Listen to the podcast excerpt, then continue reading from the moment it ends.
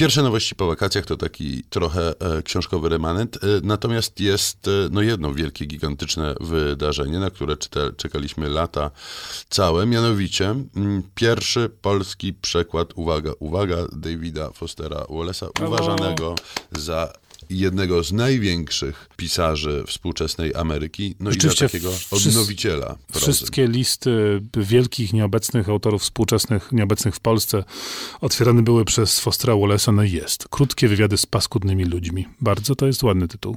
Bardzo to jest ładny tytuł. Nie jest to oczywiście Infinite Jest, czyli książka, która pewnie powinna się ukazać jako pierwsza, jako ta najgłośniejsza i jako ta, która Davida Fostera Wallace'a stworzyła jako pisarza, ale cieszmy się tym, co jest. Ja tak przyglądałem sobie nawet trochę recenzję tej książki i widać pewną bezradność e, e, recenzentów, do której też my się jakoś poczuwamy, w tym sensie, że dość trudno powiedzieć, co to jest. No bo to jest zbiór tekstów, e, no krótkich, w sensie powiedziałoby się, że to opowiadanie, tylko że opowiadanie ma pewną formę, której tutaj jednak zazwyczaj nie spotykamy. Pojawiają się regularnie te tytułowe wywiady, czyli tak jakby rozmowy, ale to też nie są do końca wywiady, bo słyszymy tylko jedną stronę mówiącą. Ten jakby wywiadowany opowiada o swoich sprawach. Mamy też różnego rodzaju mniej lub bardziej eksperymentalne teksty. Można powiedzieć, że to, co je łączy, to są, są to opowieści o ludziach, e, którzy się odsłaniają swoje prywatne, wewnętrzne sprawy.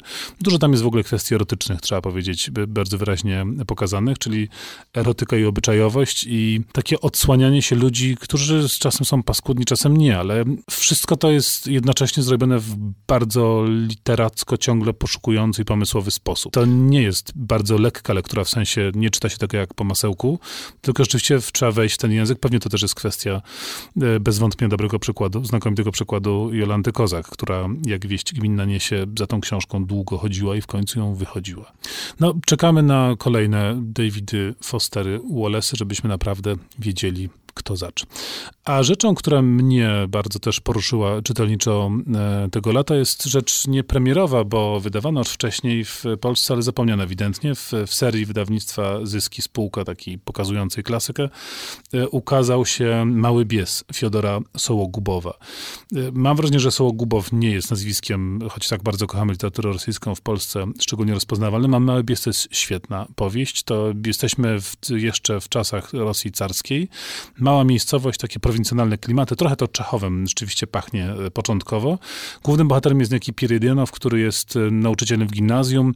Na początku jawi nam się jako po prostu bardzo wredny, taki mały typek, który dręczy ludzi, dręczy uczniów szkolnych, e, szuka sobie partii wśród panien miejscowych. W ogóle ten cyrk z małżeństwami jest dość potwornie tam pokazany, no ale z czasem widzimy, że w nim to narasta, że to nie jest mały złośliwiec, tylko wielki złośliwiec, a potem zdajemy sobie sprawę, że jest to człowiek no, dręczony tak naprawdę psychiczną chorobą i obsesjami, które pchają go w stronę no, coraz y, mroczniejszą. Świetnie zrobiona, bardzo prosto i jakby bezpośrednio napisana książka, tam żadnego takiego e, literackiego e, e, sztafarzu czy, czy wariacji nie ma. Jest to takie bardzo bezpośrednio podane i ogromnie przekonujące. Znakomita rzeczywiście rzecz i, i też świetny przekład René Śliwowskiego. I po przerwie wrócimy do kolejnych powakacyjnych nowości.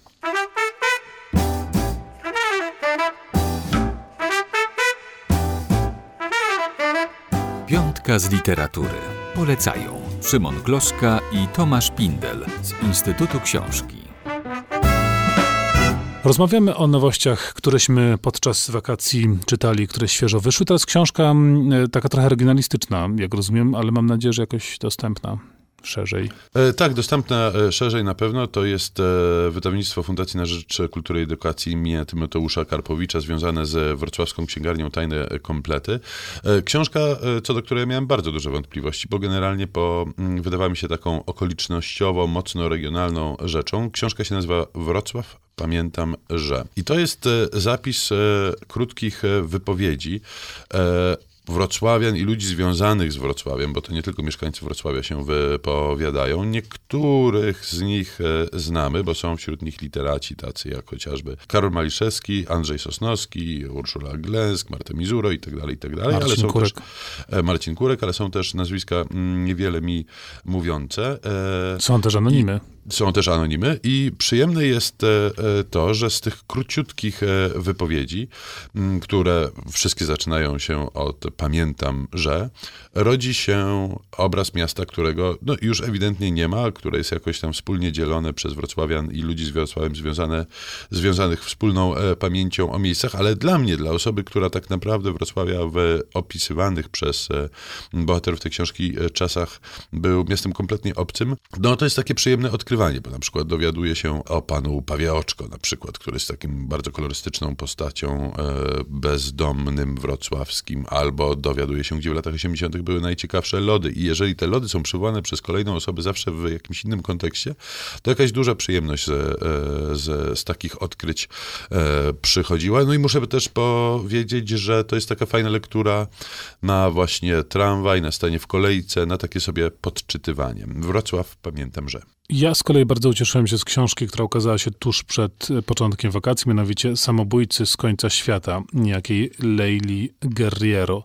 Samobójcy z końca świata to jest jej pierwsza książka e, no, pełna, no bo wcześniej pisywała reportaże w, w prasie, która dobrze pokazuje jej taki drapieżny, współczesny, szybki, i, i, a zarazem głęboki styl i porusza dość dramatyczną problematykę, bo ona się wybiera, ona w sensie reporterka jedzie do miasta Las Eras, które jest tam e, hen, hen daleko w argentyńskiej Patagonii. Miasteczko kiedyś e, przeżywało boom przemysłowy, dzisiaj jest podupadłe i niewiele tam się dzieje i mamy tam e, plagę samobójstw. Ogromna ilość osób popełnia tam regularnie samobójstwa. Jakby te wskaźniki samobójcze są zatrważające i zdumiewające na skalę światową, więc Guerriero jedzie zobaczyć, co, co tam się dzieje, znaczy z czego to wszystko wynika. Jest to e, przenikliwe studium właśnie miejsca zapomnianego, zostawionego, zaniedbanego, gdzie ludzie po prostu żyją w kompletnej beznadziei, jakby nie ma dla nich żadnych perspektyw. I na tym też polega siła tego reportażu, że ona oczywiście mówi ciekawe rzeczy o Argentynie współczesnej i prowincjonalnej, no ale to możemy spokojnie odnieść do bardzo wielu różnych miejsc na świecie. Także i w Polsce bez trudu byśmy znaleźli obszary, gdzie podobna problematyka właśnie opuszczenia i braku szans dla ludzi występuje. Więc to jest świetne, bo jakby będąc y, y, regionalnym jest zarazem absolutnie uniwersalne. E, I jeszcze popodróżujmy trochę, ale tym razem nie reportaż, a książka naukowa. Autor bądź autorka, bo nie udało mi się tego ustalić, o, o Tangad się e, nazywa, to e, napisana książka została po polsku i nazywa się Scheta po Dżengis Hanie, Demokracja po mongolsku. I jest to bardzo rzecz interesująca, bo ja sobie myślę, że tytułowy Dżengis Han dla Polaków jest mniej więcej postacią tak realną jak Smok Wawelski. Pan Twardowski, tylko trochę pan, gorszy. Czy pan Twardowski, tylko trochę gorszy, właśnie. Natomiast e, tu jednak jest tak, że Dżengis Han i mongolskość rządzą się swoimi zupełnie odmiennymi, nieznanymi dla nas, jak się okazuje, prawami jest to kraj o odmiennej kulturze, ale co ważniejsze, o odmiennych światopoglądach. I na ten kraj została narzucana taka czapeczka zachodniej e, demokracji, która jakoś się chwieje i co chwilę e, upada z mongolskiej głowy. Mm, no ale chyba głównie przede wszystkim, że mm, różne kategorie dla nas oczywiste, dla Mongołów oczywiste w ogóle nie są, bo mają swoje nieodpowiadające zachodnim i tak dalej, i tak dalej. I myślę sobie, że mm, to jest taka książka, którą warto czytać e, szczególnie teraz, gdzie z różnymi kulturami coraz intensywniej, chcąc nie chcąc, będziemy wkrótce się zmierzać i, mm, mm, i zapoznawać. E, no bo ucząca jakiejś tam pokory, że nie nasz punkt widzenia jest jedynym na świecie. Ja wiem, że to brzmi dosyć banalnie, natomiast jest e, to pokazane mm, nie tyle co kawała na, na, na ławę, co dość dokładnie, jak może różnić się ludzkie myślenie w zależności od przynależności kulturowej. To jestem zaintrygowany. Jednym słowem jest co czytać nadal i opowieści o tym, że w wakacje nie ma ciekawych książek, to są jakieś wyssane z palca. Tak, to prawda, natomiast przed nami e, literackie jesienne dożynki, więc w piątce z literatury będzie się działo. Grzybów w lesie nie ma, książki w księgarniach są. Pozdrawiamy. Szymon Kloska. Tomasz Pindel.